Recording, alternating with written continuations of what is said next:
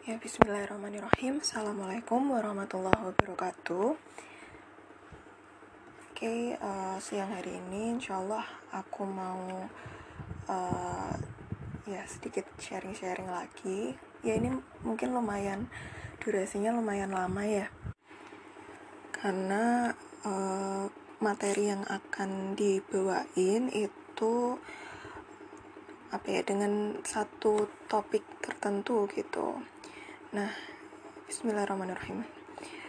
Rabbi israh li sadri wa yassir li amri wa hlul 'uqdatam min lisani yafqahu qawli. Nah, uh, insyaallah hari ini pengen bahas terkait dengan hijrah gitu ya. Nah, dengan judul hijrah, kebutuhan atau keinginan. Nah, semoga ini bisa jadi apa ya pemacu semangat kita semua lagi itu terkait dengan apa memperbarui niat lagi. Kita itu dulu awal hijrah itu niatnya apa sih? Atau mungkin bahkan uh, untuk teman-teman yang belum apa ya belum uh, dapat poinnya kenapa harus berhijrah dan lain sebagainya. Nah semoga ini bisa menjadi uh, wasilah gitu untuk kita semua itu bisa memperbaiki uh, diri lebih baik lagi ke depannya. Nah, uh, di sini aku buat judulnya hijrah kebutuhan atau keinginan gitu. Jadi uh, di sini sebenarnya kita perlu tahu ya apakah yang namanya hijrah itu uh, dia ini sifatnya sebagai kebutuhan atau uh, bahkan cuman keinginan aja gitu. Jadi hijrah itu sebagai sesuatu yang uh, mendesak. Uh, kalau kebutuhan sama keinginan itu kan bedanya kalau butuh itu benar-benar sesuatu yang mendesak gitu ya. Sedangkan kalau keinginan sendiri itu adalah sesuatu yang ya kalau nggak dipenuhi itu ya nggak apa-apa gitu loh di situ. Sedangkan kalau kebutuhan ya mau nggak mau itu adalah sesuatu yang harus dipenuhi gitu dan uh, di sini diawali dari pertanyaan kebutuhan atau keinginan. Karena uh, ya untuk kita menjawab masing-masing gitu ya. Apakah yang namanya esensi dari hijrah itu uh, kita anggap sebagai kebutuhan atau bahkan itu keinginan di situ. Oke. Okay.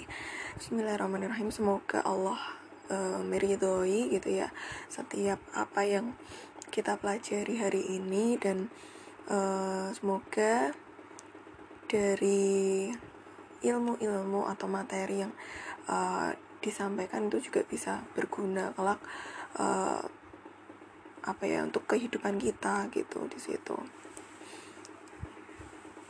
Oke, okay, mungkin mulai dari apa ya slide pertama ya.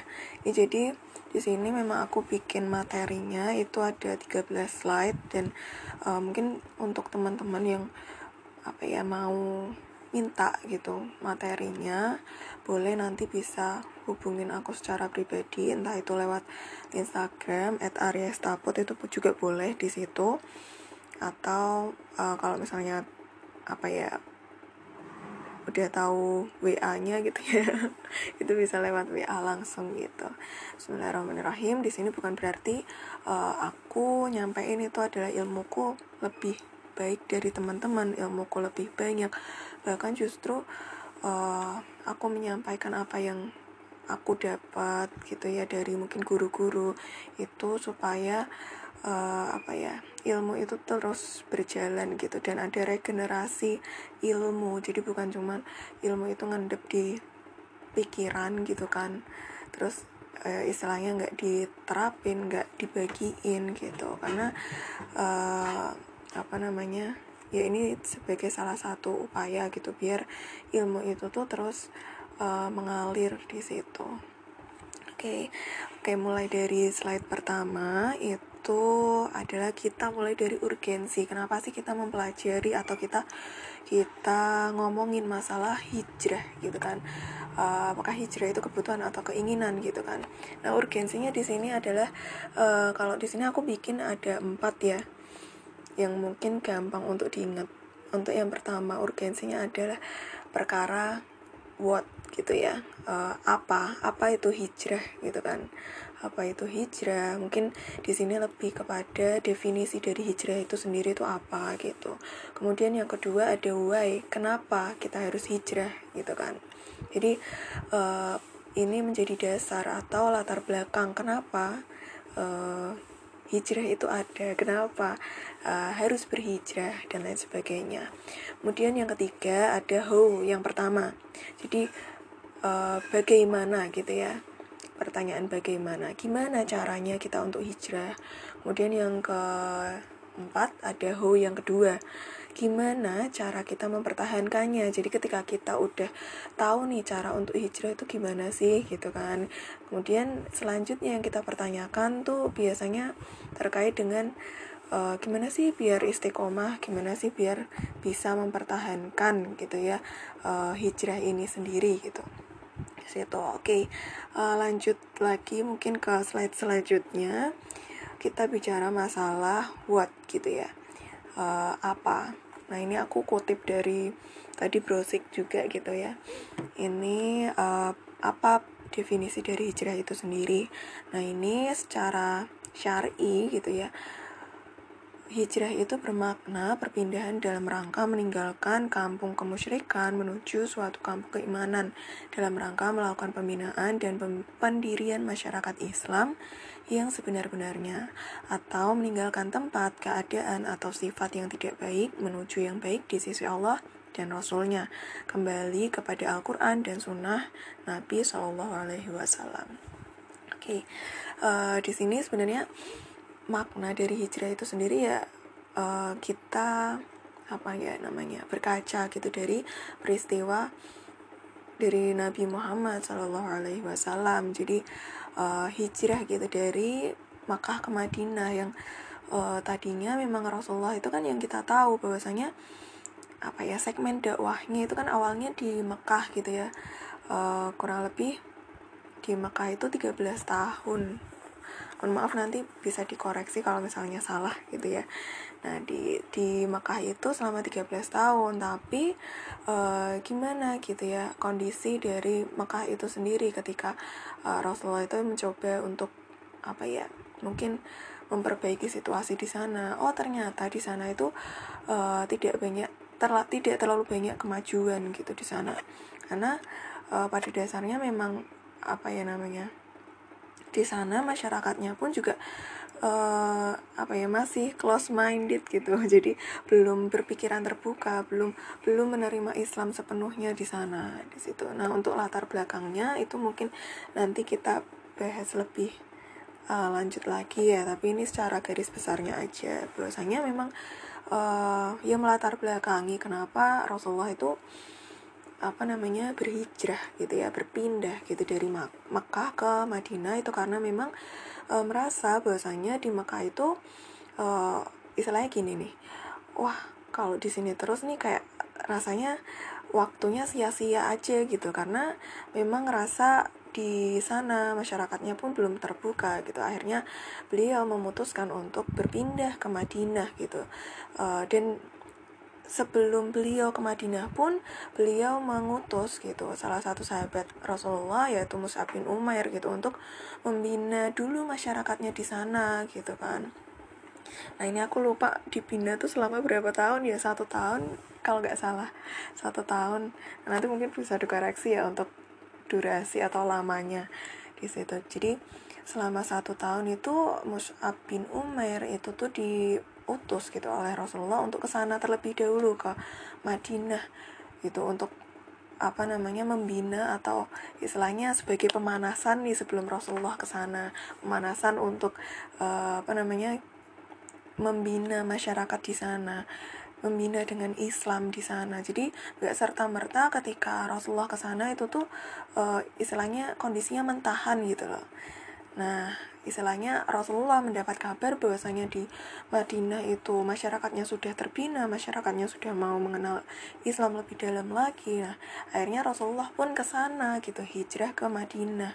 Uh, pada kondisi yang masyarakatnya di sana itu sudah open minded gitu, yang udah terbuka pemikirannya dengan Islam di sana. Itulah yang melatar belakangi sebenarnya uh, apa ya? Mungkin adanya atau dikenalnya kata hijrah di situ. Nah, oke okay, kalau misalnya untuk istilah zaman sekarang itu ya bisa bisa kita sebut hijrah itu uh, misalnya mungkin yang tadinya perilaku kita itu jahiliyah gitu ya yang yang istilahnya kita itu tadinya belum mengenal Islam kemudian kita memutuskan untuk berhijrah untuk mengenal Islam lebih dalam lagi gitu. Dan meninggalkan sesuatu yang uh, mungkin perilaku perilaku kita yang kurang baik di masa lalu seperti itu. Oke okay. itu uh, urgensi yang what gitu ya untuk kita tahu uh, definisinya. Kemudian yang kedua adalah uh, tentang why gitu jadi ini why ini adalah satu pertanyaan. Kalau dari aku pribadi ya ini benar-benar mempengaruhi banget sih. Ketika why itu sudah terjawab dalam diri kita itu tuh menjadi latar belakang kita dalam melakukan sesuatu. Latar belakang atau motivasi terbesar kita dalam melakukan sesuatu. Jadi why ini adalah uh, apa namanya ketika sudah terjawab itu menjadi dasar dan penguat kita dalam melakukan sesuatu gitu. Jadi kayak misalnya nih ketika uh, apa namanya kita memutuskan untuk hobi apa ya hobi punya hobi uh, berolahraga gitu ya. Kenapa otomatis kan kita bertanya kenapa kita harus olahraga gitu ya? Kenapa aku uh, harus tiap pagi itu olahraga? Karena kan pasti ya motivasinya adalah supaya sehat atau mungkin bisa jadi ada yang dia punya motivasi itu uh, biar kurus kayak gitu. Karena pengen nurunin berat badan di situ kan. Jadi segala sesuatu yang kita lakukan gitu ya dengan secara sadar ya dengan secara sadar itu biasanya dipengaruhi oleh pertanyaan why gitu why kenapa kita melakukan hal itu? Kenapa harus dilakukan? Gitu kan. Nah di sini seharusnya menjadi dasar juga kita uh, dalam kehidupan gitu. Dalam mengarungi kehidupan. Kenapa kok kita harus hijrah gitu ya? Kita kan ngomongin masalah hijrah. Situ. Dan harusnya ini terjawab gitu dalam diri kita. Kenapa sih kita itu harus hijrah gitu kan situ. Nah di sini ya slide selanjutnya. Banyak sih sebenarnya alasan gitu ya kenapa hijrah gitu. Nah yang pertama biasanya orang-orang itu kebanyakan ya uh, tapi nggak semuanya ya itu Kenapa hijrah itu alasannya waktu itu mungkin bisa jadi dihimpit oleh suatu keadaan yang membuat dia kecewa gitu. Yang uh, apa ya istilahnya membuat dia atau memaksa dia itu untuk berubah gitu kan. Kecewa terhadap mungkin uh, apa namanya manusia di sekitarnya gitu kan. Atau mungkin kondisi-kondisi uh, istilahnya apa ya yang ngebuat dia uh, mungkin awalnya drop down gitu ya. Down kenapa kok istilahnya benar-benar kecewa itu secara terus menerus gitu kan akhirnya kayak mungkin awalnya terpuruk gitu kan.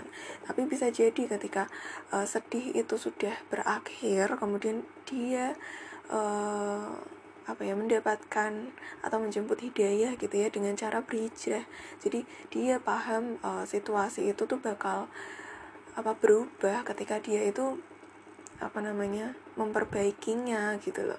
Jadi di situlah sebenarnya bisa jadi salah satu uh, motivasi kenapa hijrah. Atau mungkin karena sakit hati karena apa patah hati gitu kan ya. Biasanya orang-orang itu kan karena apa putus cinta kayak gitu ya. Terus akhirnya dia hijrah nyoba untuk hijrah lebih baik lagi di situ. Nah kemudian yang kedua nah di sini aku tulis uh, bisa jadi mungkin ada perasaan-perasaan yang dia tuh uh, apa ya bosan gitu ya bosan sama kehidupan.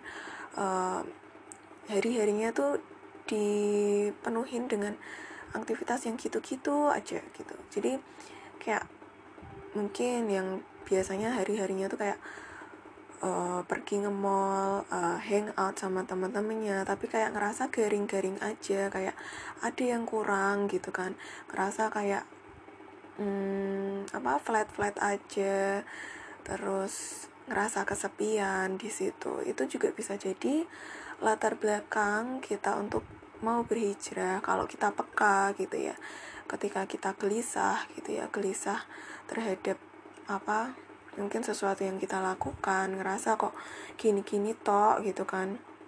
Itu uh, bisa jadi apa ya motivasi gitu kenapa hijrah nah kemudian yang ketiga uh, bisa jadi hijrah itu karena dia sadar bahwasanya kondisi yang ada atau menghimpit dia sekarang itu tuh eh, nggak uh, akan berubah ketika dia itu nggak nggak apa ya nggak berhijrah ketika dia itu nggak memutuskan untuk bangkit gitu. Misalnya dalam kondisi yang dia lihat banyak kezoliman di luar uh, sana gitu kan.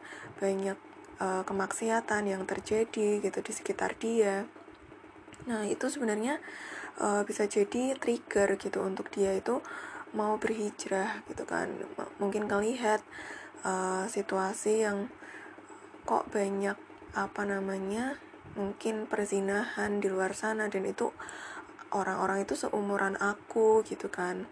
Dia sadar bahwasanya oh uh, kezoliman atau kemaksiatan nih kemaksiatan semacam ini itu tuh uh, bisa jadi aku juga ikut bakal ikut arus nih kalau misalnya aku nggak nggak bangkit aku nggak hijrah ataupun kesadaran bahwasanya apa namanya dia mungkin galau terus-terusan gitu kan.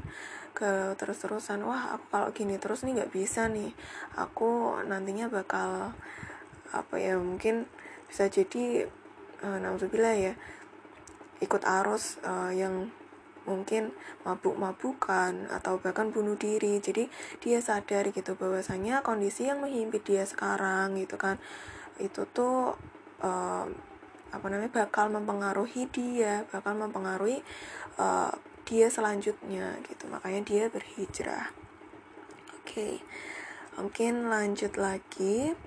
Biasanya uh, mungkin melanjutkan dari yang tadi ya kesadaran akan kondisi. Uh, kita fire aja gitu ya. Lihat kondisi sekitar kita. Kita berkaca dari orang-orang sekitar kita terutama mungkin orang-orang yang seumuran kita yang yang mungkin masanya kuliah atau bahkan mungkin sekolah gitu ya mungkin masih SD nah di sini uh, di materi yang aku buat di sini uh, aku udah cantumin beberapa fenomena gitu ya yang sebenarnya menyayat hati banget gitu.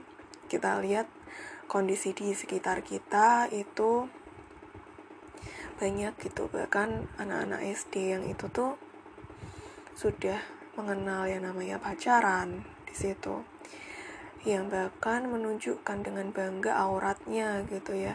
Dengan rok pendek kemudian juga banyak yang uh, semakin apa ya tidak punya adab terhadap gurunya atau bahkan terhadap orang tuanya pun juga uh, ini ada gitu. Salah satu headline juga bahwasanya uh, judulnya nih ya pacar pamit nikah dengan perempuan lain lewat WA mahasiswi ini gantung diri. Jadi ini sebenarnya adalah situasi yang genting gitu. Seharusnya membuat kita sadar kita nggak bisa terus-terusan kayak gini gitu kan.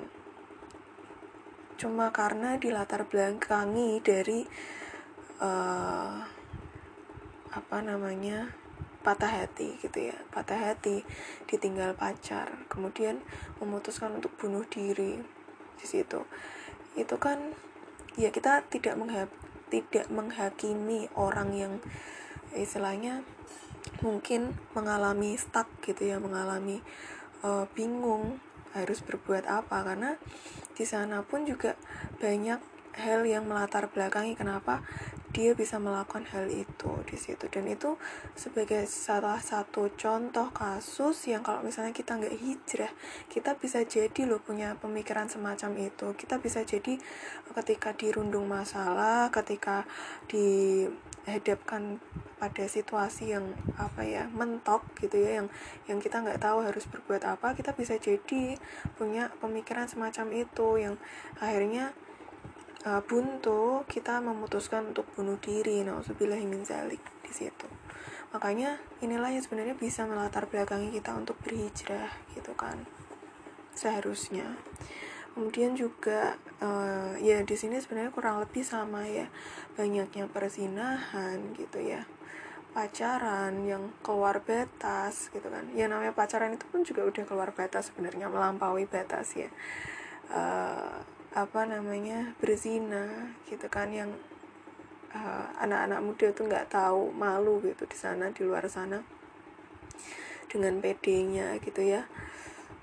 Uh, masih kecil gitu kan udah sayang-sayangan di situ. Itu kan juga dipengaruhi oleh lingkungan sekitar mereka. Yang bisa jadi melihat dari tontonan-tontonan di di rumah gitu kan nonton sinetron uh, tontonan anak gede lah kayak gitu di situ. Harusnya itu membuat kita itu sadar oh lingkungan kita ini sebenarnya nggak baik-baik aja sekarang itu.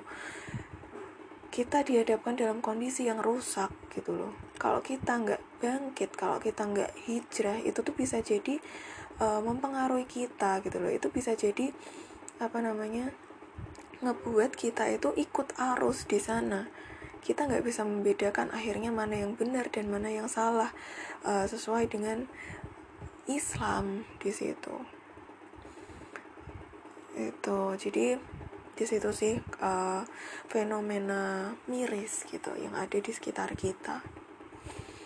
Nah berkebalikan terhadap apa namanya uh, mimpi yang kita canangkan mungkin uh, ketika kita belajar agama gitu ya. Pengen masuk surga enggak kita bilang pengen gitu kan.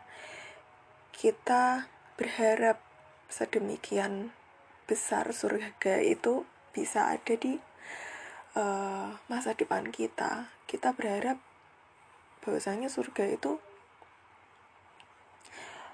uh, bisa kita pijak gitu ke depannya di situ kan. Padahal uh, berkebalikan dengan apa yang kita lakukan sekarang gitu kan. Kita tuh tahu bahwasanya hidup di dunia itu tuh cuma sementara gitu kan. Tapi nggak selaras dengan apa yang kita lakukan sekarang gitu kan. Kita lebih banyak melakukan hal maksiat gitu kan. Kita jarang gitu untuk melakukan sesuatu itu sesuai dengan syariat apa yang Allah suka dan gak suka itu tuh jarang jadi pertimbangan kita dalam melakukan sesuatu gitu.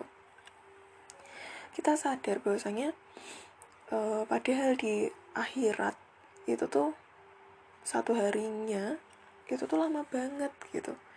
Bayangin aja satu hari di uh, akhirat gitu ya. Katakanlah kita di surga gitu. Satu hari itu tuh kenikmatannya sama aja kayak ketika kita itu satu tahun di dunia gitu loh. Di situ itu kalau kita di surga tapi gimana ceritanya ketika kita nanti akhirnya kita ada di neraka gitu. Satu harinya itu sebanding dengan satu eh seribu gitu ya seribu tahun di dunia gitu. Sesakit apa nanti siksaan yang bakal kita terima? Walaupun kita tahu ya kita sebagai muslim uh, ujung-ujungnya pasti kita ke surga. Tapi kan siapa sih yang mau gitu ya? Kita dicuci dulu gitu dosa-dosanya di neraka. Padahal kita tahu satu harinya gitu ya di akhirat di neraka deh. Ibarat seribu tahun di dunia gitu loh. Situ makanya kita semaksimal mungkin gitu. Untuk kalau bisa kita itu masuk surga itu tanpa hisap gitu kan ya nggak ketang gitu ya atau atau kalau bisa ya uh, kita langsung direct gitu ya direct nggak transit dulu ke neraka langsung ke surga di situ itu yang kita pengenin di situ Nah, dari latar belakang inilah gitu ya. Pertanyaan why itu terjawab. Kenapa gitu ya kita harus berhijrah? Gitu. Otomatis kita uh, menyelaraskan gitu ya antara apa yang kita pengenin, apa yang jadi latar belakang kita pengen berhijrah, yaitu pengen surga kan. Otomatis itu melekat kuat dalam diri kita yang di mana setiap perilaku kita harusnya didasarkan pada uh, apa yang Allah mau terhadap diri kita bukan apa yang kita mau aja gitu di situ Oke, mungkin lanjut ke uh, pertanyaan selanjutnya gitu ya. Tentang how. Tentang bagaimana. Gimana sih kemudian ketika kita udah tahu nih uh, latar belakang kita gitu ya dalam berhijrah. Setelahnya gimana gitu caranya untuk kita hijrah. Oke. Uh, di sini sebenarnya nggak banyak orang sadar gitu ya mungkin gimana caranya itu tuh sebenarnya gampangnya adalah kita mulai dari pemahaman gitu. Ketika pemahaman kita tentang hidup tentang hijrah dulu aja deh itu tuh udah bener gitu ya. Insya Allah itu tuh perilaku kita akan mempak akan apa ya uh, mengikuti gitu. Akan mengikuti di mana pemahaman-pemahaman yang baik itu akan melahirkan suatu perilaku yang baik juga gitu. Makanya nggak nggak apa heran gitu. Ada orang yang bilang uh, kelihatan tuh perilaku dia tuh jelek. Pasti pikiran dia juga jelek gitu kan di situ. Jadi sebenarnya realisasi dari suatu pikiran pemikiran itu tuh bisa dilihat dari apa yang dia lakukan gitu di situ. Bukan bermaksud untuk apa ngejudge gitu bukan. Tapi memang uh, biasanya kayak gitu gitu loh. Karena uh, apa namanya ketika kita berpikir tentang sesuatu itu tuh bakal uh, tercermin kok dari apa yang kita lakukan gitu ya. Contohnya apa? Misal dalam hal tadi olahraga ketika dia apa namanya berolahraga gitu ya. Otomatis kan kita bisa lihat ya oh dia berarti punya pemikiran bahwasanya uh, olahraga itu untuk kesehatan dia gitu kan. Apa namanya dia pengen sehat gitu kan bisa dilihat dari situ. Terus mungkin contoh lain lagi uh, ketika orang pacaran gitu ya orang pacaran pengen mengenal dengan cara pacaran. Nah itu kelihatan kok uh, pemikirannya. Biasanya mungkin bisa jadi dia belum paham gitu. Belum paham terkait uh, cara menjemput uh, apa namanya jodoh gitu. Dengan cara yang uh, benar itu seperti apa Mungkin pemahamannya selama ini adalah bahwa jodoh itu harus dijemput dengan cara mengenali uh, lebih dalam gitu, luar dan dalam gitu kan di situ. Dan itu dengan jalan pacaran di situ. Jadi bisa dilihat sih dengan uh, melihat apa perilaku dia di situ. Oke. Okay. Uh, mungkin di sini masih bingung ya terhadap pemahaman mulai dari pemahaman itu seperti apa gitu kan. Nah pemahaman yang dimaksud itu sebenarnya pemahaman tentang hidup gitu. Tentang uh, tiga simpul kehidupan. Mari sejenak kita tuh berpikir gitu. Kita kaitkan antara proses penciptaan kemudian kehidupan sekarang sama uh, kehidupan setelah ini nanti di penghisapan gitu kan.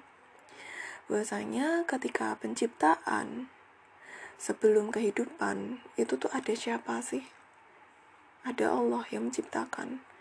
Kemudian di saat kehidupan ini gitu ya di saat uh, kehidupan yang kita jalani sekarang kehidupan dunia itu tuh ada siapa sih? Ada Allah juga di situ. Allah mengawasi kita, gerak-gerik kita, mengawasi perilaku kita, yang itu nantinya akan diganjar uh, pahala dan dosa di situ. Kita harus sadar tentang hal itu gitu. Kemudian selanjutnya uh, tentang kehidupan setelah ini, yaitu tentang penghisapan amal terkait dengan kehidupan yang kita jalani sekarang, kita perlu sadar bahwasanya uh, apa yang kita lakukan sekarang itu bakal berdampak untuk kehidupan setelahnya gitu. Jadi kehidupan uh, setelah ini tuh apa sih? Yaitu kehidupan akhirat yang lebih kekal gitu. Di sana adalah uh, hari penimbangan penghisapan amal yang ketika kita hidup di dunia tuh nggak serta merta ya udah dosa pahala tuh nggak kepake gitu loh itu bakal kepake. Nanti setelah uh, kehidupan ini tuh selesai kehidupan di dunia tuh selesai baru kita lihat kenyataan bahwasanya oh iya bener ya Allah itu janji Allah tuh bener apa bener gitu loh. Janji Allah tuh bener. Bahwasanya nanti bakal ada penimbangan yang mizan gitu kan yang mul hisap gitu di sana Nah, dari tiga simpul kehidupan ini yang ketiganya tuh ada Allah di sana. Ketiganya tuh nggak jauh-jauh dari campur tangan Allah gitu. Semuanya diatur sama Allah. Proses penciptaan pun diatur gitu ya. Kalau misalnya nggak diatur, uh, mungkin gitu ya penciptaan kita tuh nggak bakal diciptain di dunia gitu kan kalau misalnya Allah nggak mengatur segala penciptaan yang ada di bumi ini bisa jadi kayak uh, yang namanya bumi, matahari, bulan, dan lain sebagainya itu saling tabrak menabrak gitu. Allah nggak ngatur yang namanya uh, perputaran rotasi, revolusi dan lain sebagainya kayak gitu. Dan itu secara teratur di situ.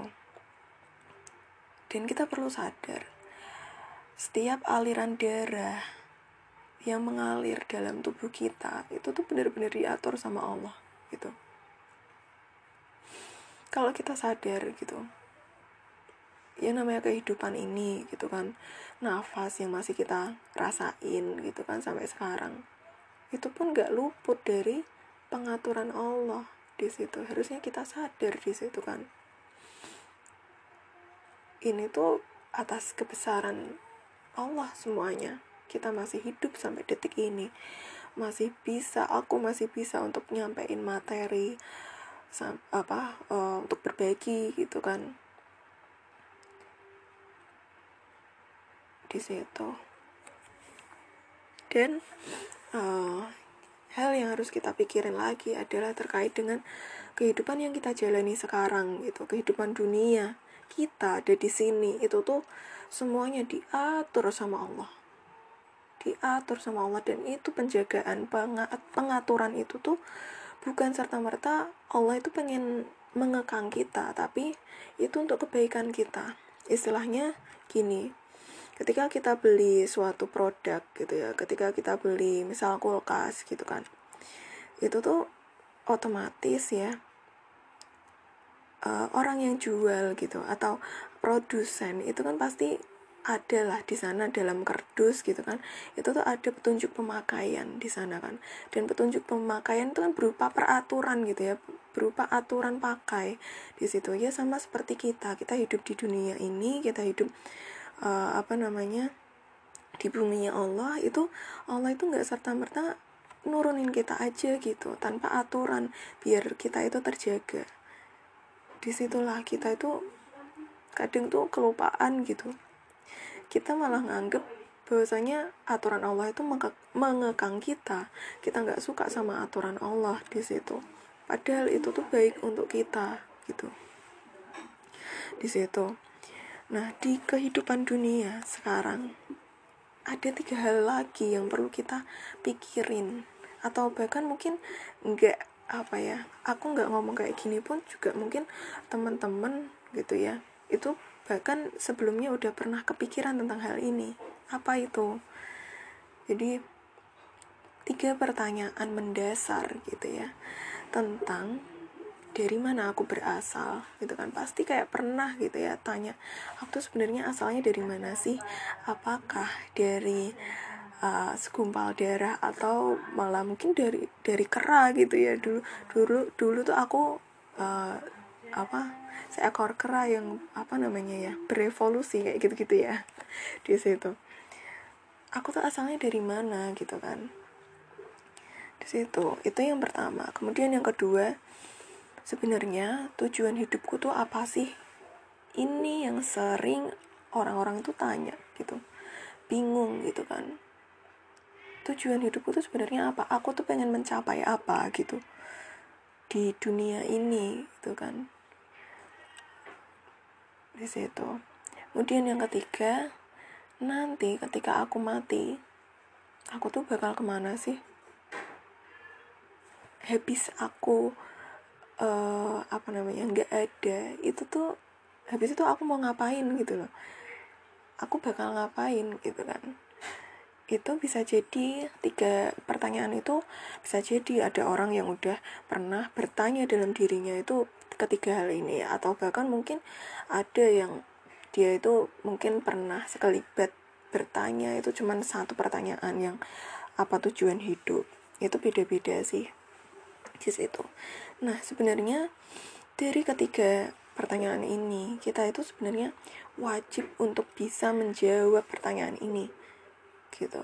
Karena ini jadi uh, dasar kita dalam memaknai suatu kehidupan untuk apa ya perlahan sadar atau paham gitu ya tentang konsep kehidupan di situ dan ini harus bisa terjawab dengan benar. Kalau nggak benar ya kelihatan gitu dari perilaku yang dia lakukan gitu.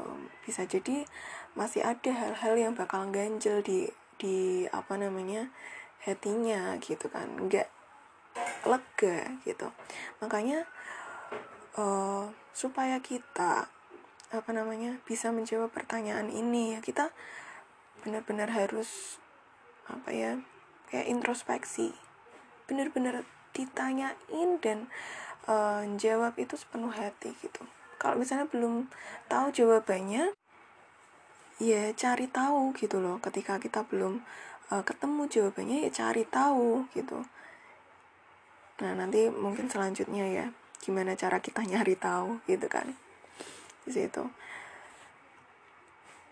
Nah oke. okay. Eh, mungkin terkait uh, tujuan hidup. Itulah yang sebenarnya paling penting gitu kan. Katakan lagi nih deh. Uh, ketika kita dalam suatu organisasi gitu. Dalam organisasi otomatis di sana adalah ketika satu calon ketua diajukan gitu kan. Otomatis yang pertama ditanyain adalah visi misi. Apa visi jadi ketua? Apa visi mengetuai dari uh, organisasi ini gitu kan? Dan visi yang paling bagus itulah yang dia pilih mereka pilih gitu kan? Sama seperti uh, apa namanya tujuan gitu kan organisasi ketika di apa namanya organisasi itu punya tujuan gitu kan. Tujuan untuk uh, memajukan yang itu istilahnya uh, tertuang dalam visi dari ketua itu sendiri gitu kan atau ke, visi dari organisasi itu sendiri. Nah turunan dari tujuan itu adalah adanya proker-proker gitu kan program kerja adanya aktivitas-aktivitas atau kegiatan-kegiatan dari organisasi itu. Jadi ketika sudah menentukan suatu tujuan, tujuan dari organisasi ini tuh apa sih? Misal ya, suatu komunitas uh, pesisir gitu ya. Itu dia punya tujuan uh, organisasi atau komunitas itu untuk uh, mendidik anak-anak uh, behari atau anak-anak pesisir itu supaya uh, mereka mengenal apa namanya uh, sumber daya yang ada di sekitarnya yang nantinya dia bakal uh, tahu gimana caranya biar untuk apa mendaya gunakan sumber daya itu sendiri secara mandiri gitu kan. Misal kayak gitu. Nah otomatis komunitas itu merencanakan atau mencanangkan suatu program kerja yang itu tuh untuk mencapai goals atau tujuan dari uh, komunitas itu gitu kan. Entah itu dengan pengajaran secara rutin uh, pembinaan apa namanya secara rutin gitu kan. Setiap minggunya uh, ngajar anak-anak untuk berlatih kreativitas kayak gitu. Itu kan uh, sebagai salah satu cara untuk apa namanya mencapai suatu tujuan di situ. Nah makanya ketika kita pengen tujuan kita adalah apa namanya surga gitu ya. Tujuan panjang ya adalah surga. Ya otomatis kita harus mencanangkan atau menyusun strategi-strategi gitu kan. Uh, dalam kehidupan kita itu harusnya ngapain sih di situ? Di situ. Nah inilah uh, sebenarnya perlu dijawab ya tujuan hidup kita tuh sebenarnya apa? Bukan bukan sekedar surga ya. Kalau surga itu udah otomatis. Tapi uh, kita pasti punya tujuan atau visi besar sama visi benar gitu kan. Dan ini harus terjawab di situ. Nah oke okay, lanjut ke uh, slide selanjutnya. Ya, ini sebagai penguat kita ya. Bahwasanya memang tujuan yang jelas uh, itu akan melahirkan perilaku yang jelas. Jadi ketika kita sudah saat punya satu tujuan yang jelas gitu ya, yang itu tuh lahir dari pemikiran dan mungkin perasaan kita, hati kita gitu ya, dengan ikhlas pengen menuju ke sana. Itu otomatis perilaku kita akan menyesuaikan gitu di sana. Jadi ketika kita punya tujuan untuk berhijrah dan uh, hijrah itu punya tujuan lebih besar lagi gitu ya, itu untuk mencapai ridho dari Allah di situ. Pengen uh, berubah menjadi lebih baik lagi, pribadi yang lebih baik lagi, ya otomatis ya namanya perilaku insya Allah tuh bakal menyesuaikan gitu. Ketika kita sudah memiliki niat yang uh, benar-benar bulat gitu ya niat yang ikhlas. Dan uh, didasari dengan mungkin ilmu-ilmu yang selama ini kita cari juga gitu. Kita menjemput ilmu itu. Bukan bukan cuma sekedar uh, kalau apa namanya ilmu itu gam apa namanya ada ilmu yang disediakan ya diambil. Tapi kalau nggak disediakan ya udah nggak nyari gitu. Di situ. Nah itu kan esensi dari sebuah niat itu kan ketika kita bekerja keras ketika kita berkorban termasuk dengan mencari ilmu itu tadi gitu. Gimana caranya biar kita itu bi bisa berhijrah gitu kan bisa meninggalkan perilaku yang buruk dan uh, berpindah ke perilaku yang uh, baik gitu kan di situ. Nah, kemudian tadi kita udah bahas terkait dengan how yang pertama. Kemudian ini yang kedua adalah how yang kedua gitu. How to istiqomah.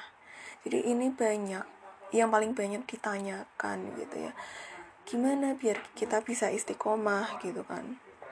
Sebenarnya uh, ini merujuk ke apa namanya merujuk ke video dari MMC gitu ya Muslimah Media Center. Jadi uh, sebenarnya bisa di apa namanya rangkum gitu menjadi tiga hal Nah, tiga hal ini uh, ada akidah gitu ya, memperbaiki, memperbaiki akidah, kemudian juga uh, syariah dan uhuwah. Jadi sebagai gambaran yang gampang gitu ya untuk diingat, akidah, syariah dan uhuwah. Jadi untuk yang pertama gitu ya tentang akidah, how to istiqomah gitu kan uh, gimana biar cara eh, caranya biar kita tuh bisa istiqomah yaitu dengan memperbaiki akidah kita memperbaiki keyakinan kita terhadap Allah gitu. Bahwasanya uh, apa-apa yang ada di hadapan kita termasuk dengan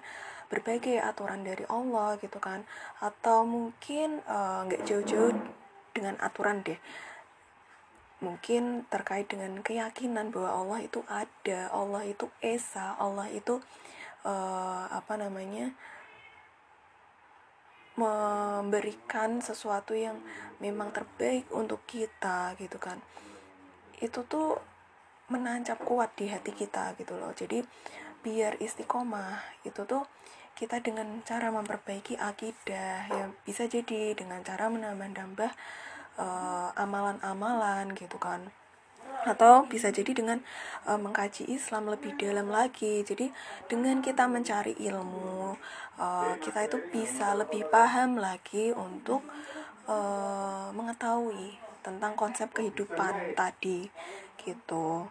Kemudian uh, yang syariah gitu ya Nah, syariah di sini tuh apa sih? Nah, syariah itu kan berupa aturan gitu ya. Aturan yang diturunkan dari Allah untuk manusia, seluruh umat manusia. Dan kita uh, biar bisa istiqomah itu gimana sih? Yaitu dengan cara selalu berusaha taat, lebih taat lagi kepada aturan Allah. Jadi kita berusaha maksimal mungkin untuk uh, melaksanakan aturan dari Allah dan menjauhi larangan-larangannya. Dan ketika kita sadar gitu ya, itu adalah sebuah maksiat. Ya kita jauhi bukan malah diterabas gitu, bukan malah kita uh, dengan santainya ah nggak apa-apa lah nanti Allah pasti memaafkan gitu kan jadi dengan terpaksa melakukan tapi uh, apa namanya dia sadar gitu bahwasanya itu sebenarnya masih bisa untuk di dihindari loh perilaku itu. Tapi dia secara sadar melakukan bahwa itu tuh dosa gitu kan. Itu suatu kemaksiatan. Padahal dia masih bisa untuk menghindari di situ.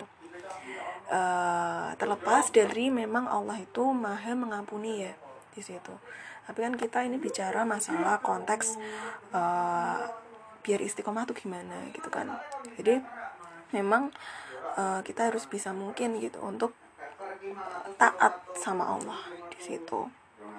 Nah, kemudian yang ketiga apa? Nah, yang ketiga adalah dengan ukhuwah gitu, dengan jalinan saudara persaudaraan kepada uh, sesama muslim gitu kan. Jadi uh, misal kita sudah mempunyai uh, apa namanya keinginan untuk berhijrah gitu ya kita sebisa mungkin untuk mencari lingkungan gitu yang mendukung juga gitu untuk uh, apa namanya perbaikan diri kita. Ketika kita menyadari lingkungan kita itu nggak mendukung ya kita berusaha untuk uh, mungkin cari relasi lagi ya. Mungkin temen ngaji uh, jamaah gitu. Sering-sering datang ke kajian gitu kan.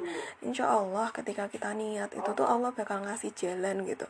Dengan secara apa ya namanya bener-bener kayak sesuatu yang kita nggak sangka di situ Nah, itulah sebenarnya uh, apa namanya? kunci gitu ya. Kunci tiga kunci sebenarnya yang uh, secara garis besar itu menjadi latar belakang, bukan latar belakang ding kiat-kiat atau tips-tips biar bisa istiqomah gitu kan jadi uh, akidah syariah ukhuwah jadi kita pun juga nggak bisa gitu kita nunggu apa ya nunggu hidayah gitu nunggu nunggu apa namanya ada orang yang nawarin kebaikan gitu. Tapi kita harus cari sendiri gitu hidayah itu. Kita harus jemput sendiri hidayah itu uh, dan jangan lupa gitu untuk terus uh, menambah apa ya doa menambah kedekatan sama Allah dengan nambah uh, amalan-amalan nafilah gitu ya sholat-sholat sunnah dan lain sebagainya di situ nah di sini terakhir ada Quran surat Hud ayat 112 Maka tetaplah kamu pada jalan yang benar Sebagaimana diperintahkan kepadamu Dan juga orang yang telah taubat beserta kamu dan janganlah kamu melampaui batas. Sesungguhnya dia mau melihat apa yang kamu kerjakan. Di sinilah yang sebenarnya perlu kita ingat terkait tiga simpul besar tadi ya. Bahwasanya ketiganya itu tuh ada Allah loh di sana.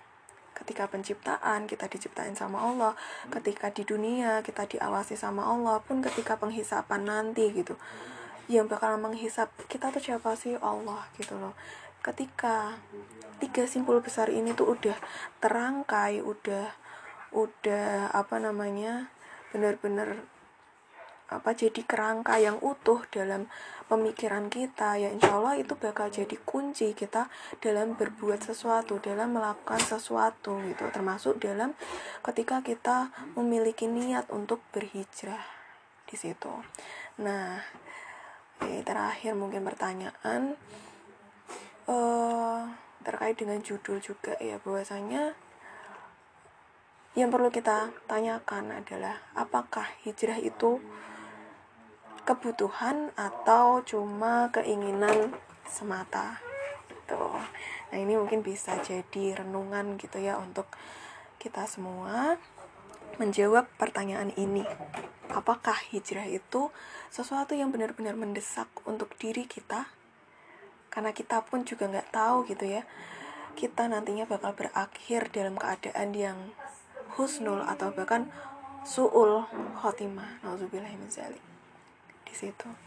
Nah mungkin uh, sekian dulu uh, materi hari ini. Semoga ini bisa uh, menjadi bahan gitu ya untuk kita sama-sama introspeksi gitu ya terkait dengan tujuan hidup kita. Apakah sudah sesuai dengan apa yang kita laksanakan sekarang? Gitu kan. Menjadi introspeksi bahan muhasabah untuk kita. Apakah selama ini kita uh, sudah benar-benar gitu ya memiliki visi yang bulat gitu. Memiliki niat yang kuat gitu untuk pengen ada di surganya Allah di situ. Nah semoga ini bisa jadi bahan renungan kita semua. Kurang lebihnya mohon maaf sebesar-besarnya. Uh, memang pasti banyak kekurangan uh, bila taufik wa hidayah. Wassalamualaikum warahmatullahi wabarakatuh. Terima kasih